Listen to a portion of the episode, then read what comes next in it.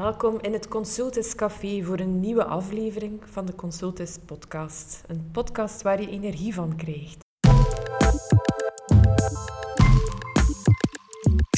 Ja, we zitten hier voor de zoveelste keer samen voor onze podcast. Uh, ditmaal rond koelinstallaties. Uh, opnieuw met ons energieteam. Jan, Kobe en Luca. Welkom. Uh, hallo. Ja. En voor de eerste maal met een beetje stress, Fien de Kaliwi, onze milieu senior consultant. Goedemorgen, goedemiddag Fien, hallo. Ja, goedemorgen. Welkom. Dank u wel. Uh, ja, Fien, misschien kun je heel kort een keer jezelf voorstellen om even het ijs te breken. Geen probleem, je hebt het eigenlijk al heel mooi samengevat. Ik ben inderdaad milieuconsulent en ik werk nu toch al ruim tien jaar bij Consultus. Oef, ondertussen al wat grijze haartjes. Nou, dat uh, Gevoelig dit, onderwerp. ja, ja. Ditmaal een podcast rond, rond koeling, koelmiddelen. Maar misschien moet ik eerst beginnen met de quizvraag. Want ditmaal hebben we opnieuw een quizvraag van de dag. Uh, en die is nogal uh, moeilijk, denk ik, toch wel. Uh, de vraag voor vandaag, dus normaal de oplossing volgt wel gedurende de podcast, dus ik zou zeggen zeker blijven luisteren. Uh, de vraag luidt als volgt.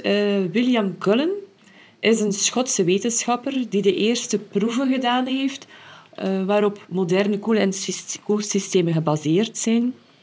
Weet je in welk jaar hij dit gedaan heeft? Nu, ik vermoed dat dat heel lang geleden is ja, Dat is duidelijk een maar... vraag van Luca. De historische achtergrond, dat kan maar van Luca komen. Ja. Met rapsoeps. Ja. Nu, in de loop van de podcast zal dat wel duidelijk worden. Nu, in eerste instantie, waarom een podcast uh, over koeling? Goeie vraag. Dus, uh, koeling is vrij essentieel in het energiegebruik. Op Europees niveau is uh, koeling verantwoordelijk voor ongeveer 17% van het elektriciteitsgebruik in Europa. Dus zowel residentieel als industrieel. Heel veel industriële installaties hebben koeling nodig in hun proces om, processen, om bijvoorbeeld eh, producten te drogen of gewoon af te koelen. En natuurlijk ook in de huizen airco's, meer en meer airco's worden geïnstalleerd. Dus koeling is wel echt een serieuze, een serieuze factor in het energiegebruik. En de projectie van de jaarlijkse groei is ongeveer dat jaarlijks een 5% zal bijkomen. Nog, nog meer? Bovenop, ja. Allee, dat is een relatieve groei, dus de, alle andere sectoren groeien uiteraard ook natuurlijk. Dus het, het aandeel 17% zal ongeveer gelijk blijven, maar toch, het, het absolute getal stijgt jaarlijks met ongeveer 5%. Luca, als ik het zo zie, uh, je zegt 70% van alle elektrische energie is eigenlijk koeling. Dus in wezen, alles wat dat opgewarmd moet worden, moet er afgekoeld worden. Ja, dat is eigenlijk een, uh, goede insteek, Jan. Dus, uh, heel veel producten worden opgewarmd om te kunnen produceren en dan moet er teruggekoeld worden naar normale temperaturen om te kunnen opslaan in het magazijn bijvoorbeeld. Je kunt geen, uh, kunt geen product van 200 graden op elkaar stapelen in je magazijn. Dat gaat niet. De vraag is eigenlijk hoe efficiënt gaan we koelen. Hoe efficiënt, hoe gaan we koelen en hoe efficiënt gaan we koelen, inderdaad. Correct. Zien dat we ook niet efficiënt opwarmen dan? Maar daarvoor hebben we een andere podcast.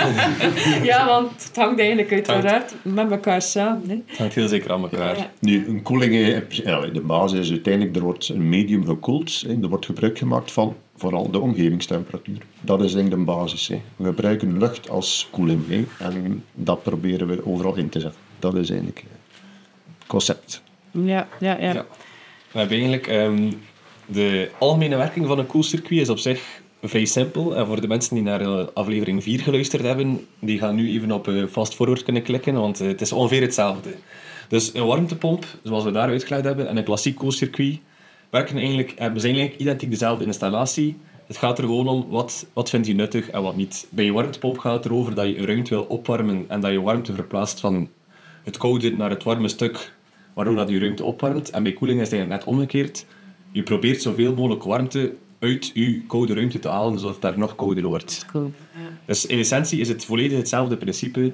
Het is gewoon, wat, wat ervaar je als nuttig, wat is er nuttig? Ja, En dat, uh, dat reflecteert hem ook in het... Uh... Dat is het principe van Cullen dan. Uh. ja, dus, we gaan straks nog even terug over Cullen. Ja, Cullen is, nog, is dat nog niet zo ver is het. Ah ja, ja oké. Okay. Um, ehm, maar dat reflecteert hem ook, het feit dat het hetzelfde is, reflecteert hem ook in de COP. Dus we hebben ook de vorige keer gezegd COP van een warmtepomp, coefficient of performance, is eigenlijk Co hoeveel... Coefficient? Coefficient, het prestatiegetal in het Nederlands. Ja.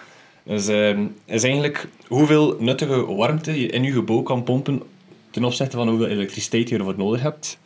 En bij een koeling is het net hoeveel warmte kun je uit je te koele zone halen ten opzichte van je elektriciteit die je erin gestoken hebt. Ja. Dus het idee is ook weer hetzelfde.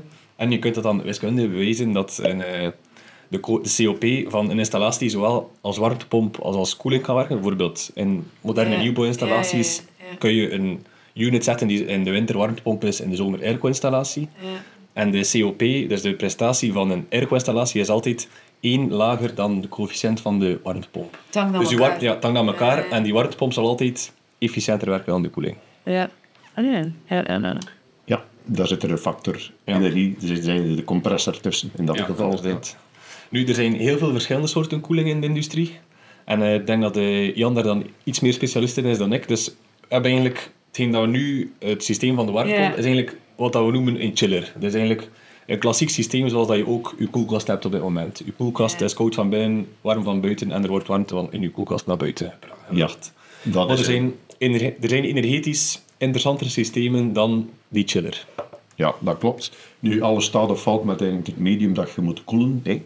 Laten we zeggen, als je onder de 20 graden moet beginnen koelen, eh, dan heb je eigenlijk een klassiek koelcircuit nodig. Dan moet je dus overschakelen op een koelmiddel, koelmedium. Koelmiddel in dat geval, op, eh, basis van CFK's of iets anders, of op basis van ammoniak, ik zeg maar iets, of, of, eh, CO2. Dat is een andere techniek, dat is een speciale techniek en de COP's liggen daar allemaal tamelijk goed vast. We spreken daar meestal rond een COP van 4 of zo. Nu, een ander systeem die eigenlijk veel, veel efficiënter is. Dus als je iets moet koelen die bijvoorbeeld tot, eh, tot 25 graden moet gekoeld worden. Dan kun je gebruik maken van eigenlijk, ja, de omgevingslucht noem ik dat. Dat is de buitenlucht. Hè. En de buitenlucht heeft ook iets speciaals. Hè. De buitenlucht kun je, die heeft een zekere relatieve vochtigheid. En als je die relatieve vochtigheid kunt laten stijgen, door bijvoorbeeld het sproeien van water, ga je eigenlijk maken dat je sterker kunt koelen. Dat is misschien raar gezegd, maar dat werkt zo. En ik, heb, al- ik ga een aantal principes een keer uitleggen van, eh, van koeling zelf. Hè. Dus klassieke koeling, dus stel je moet iets koelen tot, ik zeg maar iets, eh, die, die tot 35 graden moet kunnen gekoeld worden. Dan maken we gebruik van een draaikoeler. Hè. Een draaikoeler, dat vind je veel terug op daken, klassiek. Ja, het is een beetje het concept van een, eh, van een frio. De achterkant van een frio is eigenlijk een draaikoeler. Hè, dat is het medium, het water, eh, bijvoorbeeld uh, glycolwater, eh, passeert door een soort van ja, buizensysteem. Een serpent. En de serpent, hè, inderdaad. En dan wordt er gewoon lucht eh, rondgejaagd. Hè. Ja. Dus de buitenlucht koelt eigenlijk, eh, of de lucht koelt eigenlijk het koelmedium af. Ehm, ja, dan kun je in principe tot 5 graden boven de buitentemperatuur mee koelen. Dus stel dat het buiten 30 graden is, kun je je water koelen tot 35 graden. Dat is al een zeer goede draaikoeler. Hè. In principe reken ik altijd met 8 graden. Dus plus 8 graden, dat is een klassiek systeem. Dus hier in plaats van een chiller systeem te gebruiken, gebruik je eigenlijk gewoon, je denkt, je product moet niet zo koud zijn, en je kunt gewoon lucht erover circuleren en het koelt af. Ja, dat is eigenlijk de, is de essentie dat, van dat de klinkt als de goedkoopste manier om iets te Ja. koelen, want je moet niet echt, geen compressor meer nodig, je hebt eigenlijk ventilatoren nodig. Ja, inderdaad. En dat is wel iets... ook energie, hè? Ja, het verbruikt energie. Ja. Ja. Maar we gaan dan een keer spreken over COP's. En ik heb ook een rekenvoorbeeld een keer, een keer Ja. meegebracht. Ehm, dus waar met een klassiek koelsysteem met een koelmiddel hè, eh, halen we COP's van 4. Met een draaikoeler haal je COP's van 50. Dus Ja. dat is ongelooflijk veel efficiënter. Hè. Dat is tot Ja. 10 maal efficiënter dan eigenlijk een koelmedium. Natuurlijk, het nadeel is dat je veel minder... De temperatuur is niet zo laag. Hè. Dat is het grote nadeel. Nu, Ja, je kunt moeilijk bij je thuis je frigo op free laten werken, want dan is je frigo 20 graden. En Ja. dus je, Zo je, je vleesjes hè. charcuterie zal dat niet zo leuk Dan gaat dat inderdaad niet zo warm. aan. In de winter wel. Je gaat dat wel In de winter lukt het wel, in de diepe winter lukt het wel. Dus dat is het concept. Hè. Ehm, nu, daar zijn er ja, verbeteringen op gebouwd geweest. Hè. Ehm, en in principe had het, wel- is het als volgt. We hadden dus feite water gaan sproeien over de draaikoeler. En dat gebruikt je iets anders van koelmedium. Dus je gebruikt dan niet je buitenlucht.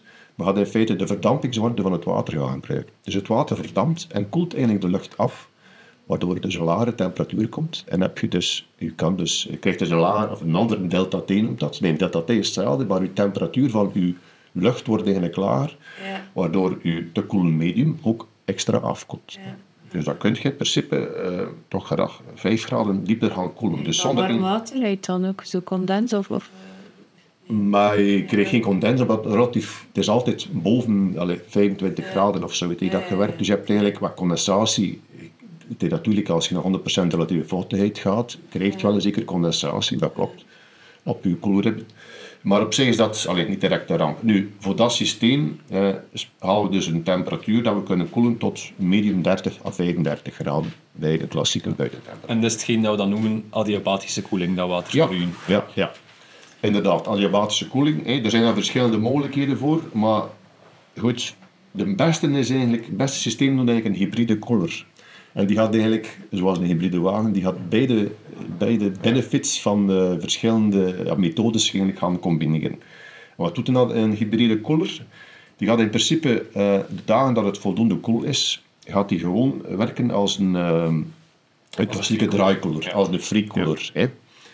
En eh, in de zomer, als het zeer warm wordt, gaat hij dus water gaan verspreiden. En ga je dus eh, ja, werken als een, min of meer als een koeltoren. Hè. Gaat die adiabatische koeling gaan inschakelen. Dus dat heeft een zeer groot voordeel. Ehm, die gaat in principe gaat die 80% van zijn tijd, toch bij ons in, in, in, Vlaanderen of in België, als draaikoeler gaan werken. Zeer economisch. En 20% van zijn tijd eigenlijk als adiabatische koeltoren. Dus dat maakt dat je eigenlijk kunt koelen daar tot 25 à 26 graden. Dus je ziet, de draaikoeler vertrokken van 40 graden. We zitten hier al 15 graden lager. Gewoon omwille van de verdampingswarmte. Hè. Dus als je iets afkoelt door verdamping, ja, dan heb je daar een geweldige daling van je temperatuur. En dan heb je een geweldig, koeleffect. Ehm, ik heb dat eens uitgerekend ook. Ehm, en wat, wat brengt dat op financieel? Want dat is toch iets anders. Is in eh, de- heel belangrijk voor eh, veel luisteraars, denk ik. Financieel, dus energetisch al goed en wel, maar... eh, Zeker interessant. Dus wat zien we eigenlijk? We gaan water gaan verdampen. Ehm, en water heeft ja, soortelijke verdampingswarmte van 2240 om zijn kilojoule per kilogram. Dus als je een ton water verdampt, eh kun je daar in principe 620 kilowatt mee koelen. Dat is wel gigantisch. Dus 620 kilowatt koeling met 1 ton water te verdampen. Dus stel dat je een klassieke koeling hebt, eh, met klassiek koelmiddel COP van 4, 620 delen door 4 is 155 kilowatt elektrisch dat je nodig hebt, in vergelijking met die 1 ton water dat je moet verdampen. En dan nog eens doorrekenen, 155 kilowatt, stel eh, bedrijven kopen relatief goedkoop aan, aan- aan 160 euro per megawatt. Je hebt een kostprijs van 25 euro voor 620 kilowatt eh, thermisch te kunnen koelen. Als je dat, dus dat klassieke, klassieke eh, Klas- met een klassiek systeem. Ja. Als je dus op een eh, adiabatische koeler gaat werken, dan heb je daar water voor nodig. En ik reken anderhalve euro per 1000 liter eh, voor water. Heb je nog een beetje elektriciteit nodig. En dan kom je op de factor 4,7 euro. Dus 25 euro klassieke koeling naar 4,7. Dus een factor hè, vijfmaal goedkoper. Ja. Dus het is zeker interessant om dat te overwegen. Hè. En dat, eh, daar kunnen we trouwens ook de bedrijven in ondersteunen. Wij berekenen dat uit en wij gaan het optimum Dat doen we inderdaad met veel plezier. Ehm, dan gaan we nu nog even heel kort inzoomen op eh, het, eh, hetgeen waar we al veel over gepraat hebben. Hetgeen dat in de koelmachine zit, zijn het koelmiddel. Daarvoor zit vinger. Nee, wat dat we... Eigenlijk, het koelmiddel zit in de koelmachine om, om die warmteoverdracht te, te realiseren. Dus we proberen in een klassiek chillersysteem warmte uit onze koele ruimte naar de warme ruimte te pompen. En daarvoor hebben we bepaalde stoffen nodig. Nu, er zijn in het verleden al heel wat stoffen in de revue gepasseerd. Iedereen herinnert zich waarschijnlijk wel dat de CFK's die het gat in de ozonlaag veroorzaakt hebben. Ja. Maar ik denk dat ik anders kort het woord aan Fien ga geven, of lang het woord aan Fien ga geven. Je mag zelf kiezen hoeveel dat je vertelt. Dat is zeer vriendelijk. Dankjewel, eh Luca. Ja, inderdaad. eh, ik wil gerust even inpikken op het eh, verhaal van die koelmiddelen. Ik hoor je inderdaad al spreken over CFK's, het gat in de ozonlaag. Dus inderdaad, het milieuverhaal van de koelmiddelen. Ik denk dat een van de belangrijke zaken, als we het hebben over koelmiddelen en het milieu, dat het gaat inderdaad over die uitfasering van die koelmiddelen, die we graag willen, eh, ja, dat in regelgeving omgezet is geworden. Eh, misschien heel kort even eh, kaderen. Ehm, we spraken over CFK's, dat zijn eigenlijk typische synthetische koelmiddelen. Dus heel wat koelinstallaties en warmtepompen die op vandaag uh, ingezet worden bij bedrijven, ja, die maken toch nog wel heel wat gebruik van die klassieke synthetische koelmiddelen. Hè. Dat zijn dan dus de gefluoriseerde broeikasgassen. Hè. Daar kom ik direct op terug. Ik wil gewoon nog mee even aanhalen, en Jan heeft in het begin ook wel even kort in zijn introductie gegeven, dat er natuurlijk ook nog natuurlijke koelmiddelen zijn, hè, zoals ammoniak en CO2. Nu, die vallen hier niet onder die uitfaseringsregelgeving, hè, want eigenlijk willen we niet liever dan dat dat meer en meer gepromoot wordt, hè, als we het milieuverhaal hier aan vastkoppelen. Want eigenlijk de, de eerste koelmiddelen waren natuurlijke koelmiddelen en dan zijn de, de chemische gekomen. Mhm. En nu willen we terug naar de natuurlijke koelmiddelen, als het goed begrepen Als het vanuit milieuoogpunt uh, bekeken wordt, toch wel degelijk. Ja. Dat is inderdaad, dat wordt geambieerd. Um, nu, wat kan ik daar eigenlijk over zeggen? Wat, wat valt er onder die synthetische koelmiddelen? Hè? Goh, um, enerzijds spreken we dus over ozonlaagafbrekende en anderzijds over broeikasgassen. Het is namelijk zo dat men eigenlijk een aantal decennia geleden, rond de jaren 80, vastgesteld heeft dat die precies toch nog wel redelijk nefast zijn. Enerzijds voor de ozonlaag en anderzijds voor de opwarming van de aarde. Uh, vandaar dus ja, die uitfasering. Als we het hebben over die ozonlaagafbrekende stoffen, dat zijn dan echt wel zo die CFK's van vroeger en de HCFK's. En die zijn echt al uitgefaseerd, toch? De CFK's wel. Dat is echt wel zo de, de frionen van vroeger. De CFK's, waar staat dat voor? Hé? Chloor en fluor, koolwaterstoffen.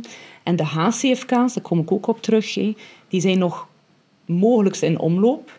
Dat zijn eigenlijk ook de chloor, fluor, koolwaterstoffen, maar er zijn een aantal chloor- of fluor-elementen die omgezet al zijn in water. Ja. Uh, uh, waterstofatomen. Dus dat wil zeggen dat die al net iets minder schadelijk zijn in dat verhaal.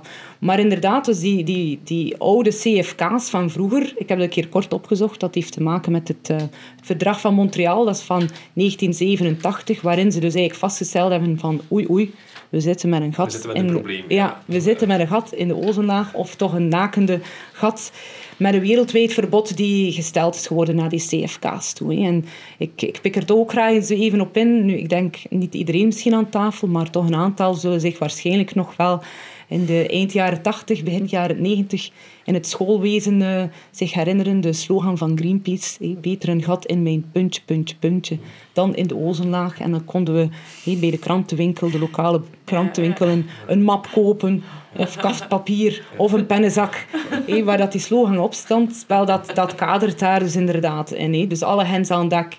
Aan dek.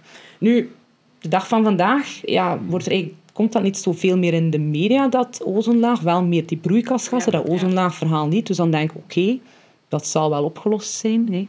Nu heb ik toch ook even uh, naslagwerk gedaan, want uh, ik wist zelf ook niet de laatste stand van zaken. Maar uh, ja, ik weet niet, wat denken jullie ervan? Uh, hoe, zijn we goed op weg? Ja, of? In mijn tijd was het vooral op, in Antarctica het probleem eigenlijk. Ja, situeer daar is het vastgesteld. Het ja. gat situeerde zich daar, werd altijd maar groter en groter.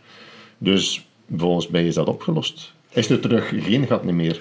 Ja, ik dacht het ook, omdat het toch altijd als voorbeeld wordt aangehaald van een probleem dat we, een van de weinige problemen dat echt een globaal probleem was, dat we met heel de wereld hebben kunnen oplossen. Dus ik hoop dat je dat niet... Een wereldverbetering. Spannend, spannend. Ja, helaas, pindakaas. Wel, um, er zijn zeker al vooruitgangen, maar blijkbaar is er inderdaad Antarctica eh, Noordpool, Zuidpool, daar zit inderdaad het probleem nog wel degelijk. Eh, dus het, het, uh, die ozonlaag is zeker nog niet uh, hersteld. En ze doen blijkbaar een prognose dat dat pas tegen 2050 terug zal zijn naar het niveau dat het was in de jaren 80. Okay. Het, is, het, is wel herstellende. Het is zeker herstellende, vandaar dat het ook niet meer direct in de media is en dat het, het, probleem zich wel een beetje verlegd heeft meer naar de broeikasgasproblematiek, dus de global warming verhaal, dat klopt wel. Maar ik dacht, ik ga dat toch ook inderdaad eens bekijken, want je hoort daar eigenlijk heel weinig nog van, heel dat CFK-verhaal. Um, dus ja, maar blijkbaar zijn we er nog niet helemaal. Goed, om nog kort even in te pikken, die ozonlaag afbrekende stoffen, dus die oude CFK's, waar we eigenlijk niet meer over spreken, heb je nog die HCFK's. En dat is eigenlijk de klassieke R22. Als je een beetje in de bedrijfswereld rondloopt, hoor je nog wel bedrijven of... Uh, ja. Dan ze nog wel van die klassieke unitjes hebben. Vaak zijn dat al kleinere, die nog in bureaus uh, de ronde doen met de R22. Ja, die zijn er dus nog wel, maar ja, er hangt toch wel strikte regelgeving aan vast dat het bedoeld is dat die uitgefaseerd geraken. Strikt genomen moet, is het eigenlijk al zo dat sinds 2015 dergelijke units niet meer mogen bijgevuld worden met die R22, die HCFK's, ook niet meer met gerecycleerde of geregenereerde. Dus sowieso de nieuwe eh, op de markt is al van, van de jaar 2000 niet meer aan de orde. En sinds 2015 mag dat eigenlijk gewoon niet meer met gerecycleerd. Dus dan zou je zeggen, oei, alle hens aan dek, al die bedrijven die hebben nog zo'n R22-unit, die moeten dat eigenlijk best zo rap mogelijk eh, Vervangen, ja. vervangen. Eh, dat is natuurlijk de boodschap wel. Maar in principe mogen ze wel nog in omloop zijn, zolang ze werken. Zolang ze werken, mag je ze laten werken. Perfect, hè? en er geen lekken zijn, hè? vastgesteld worden, want het bijvullen met R22 kan niet meer. Hè? Dus het is bedoeld dat het wel een einde verhaal is. Hè? Maar het is dus niet dat ieder bedrijf nu van boven op zijn to-do-lijst moet zetten dat hij dat moet eh, ontmantelen. Dus hè. de CFK's zijn gepasseerd, de HCFK's. En waar zitten we Perfect. nu? Ja, dan heb je eigenlijk de, nog de klassieke F-gassen, broeikasgassen, die als koelmiddel eh, toch nog altijd in omloop zijn. En dat zijn dan die eh, HCFK's, zoals ja, de klasse 400 en de R410, de R404, R407C, zo die zaken, die zijn zeker nog in omloop en die, die worden nog altijd veelvuldig gebruikt. Dat is eigenlijk via Europese verordening, dan ze daar toch ook wel wat regelgeving aan, aan gekoppeld hebben om die toch ook wel stelselmatig te kunnen gaan uitfaseren. Dus wat hebben ze gedaan? Ze hebben daar eigenlijk een extra parameter aan toegevoegd aan die koelmiddel, want het ene koelmiddel heeft, brengt dan meer milieuschade of heeft, is een groter effect naar het broeikas eh, global warming verhaal dan een ander koelmiddel. Dus ze hebben daar eigenlijk een parameter, de GWP-waarde, aan toege- eh, toegevoegd. Wat staat GWP voor? Dat staat voor de Global Warming Potential. Ja, de naam zegt het eigenlijk zelf, het aardopwarmingsvermogen. En wat wil dat eigenlijk zeggen? Dat is eigenlijk een parameter die staat voor dus het klimaatopwarmingsvermogen van een broeikasgas. En dat in verhouding ehm, tot dat van eh, CO2, van koolstofdioxide. En dat in een periode van 100 jaar. De CO2 is één, zo gezegd. Perfect. En al de Ja. rest wordt afgezet tegen CO2. Ja, ik heb hier een paar, eh, ik heb hier een speaklijstje bij mij. Ah, dat Bijvoorbeeld. kan je niet van eh, buiten fietsen. Nee, nee, nee, nee. eh, jammer genoeg niet. Of, al wel, ik niet, ik kan me hier niet om dat van buiten te kennen. De R404 bijvoorbeeld heeft een GWP van 3922. Tegenover 1 is het toch, toch wel een grote waarde. Hè. De R410 heeft dan bijvoorbeeld een GWP 2088. En een die je ook de laatste tijd wel meer en meer hoort, ter vervanging van die R22, wordt er gesproken van die R32. En die heeft dan een GWP van 657. Dus dat is dan toch wel weer een, een mooier... eh, En de bedoeling is van op termijn die GWP zo laag mogelijk te krijgen, of zo dicht mogelijk bij Ja, die dus die koelmiddelen met een hoge GWP, die moeten eigenlijk stelselmatig eruit komen.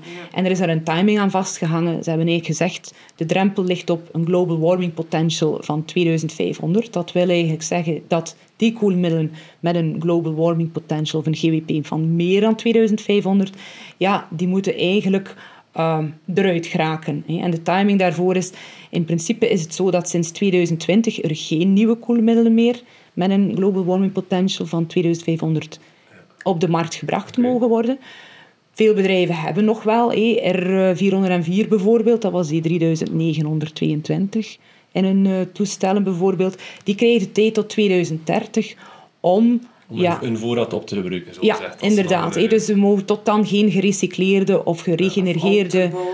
Ja, om het om te bouwen. Want vanaf 2030 is het zo dat alles boven een GWP van 2500 ja, eigenlijk niet meer mag gebruikt worden. Dus let daarmee op, hé, bedrijven, als zij inderdaad eh, willen overstappen, hou rekening met die regelgeving. Nu, ik ga er wel van uit dat die leveranciers ook wel een beetje die regels kennen.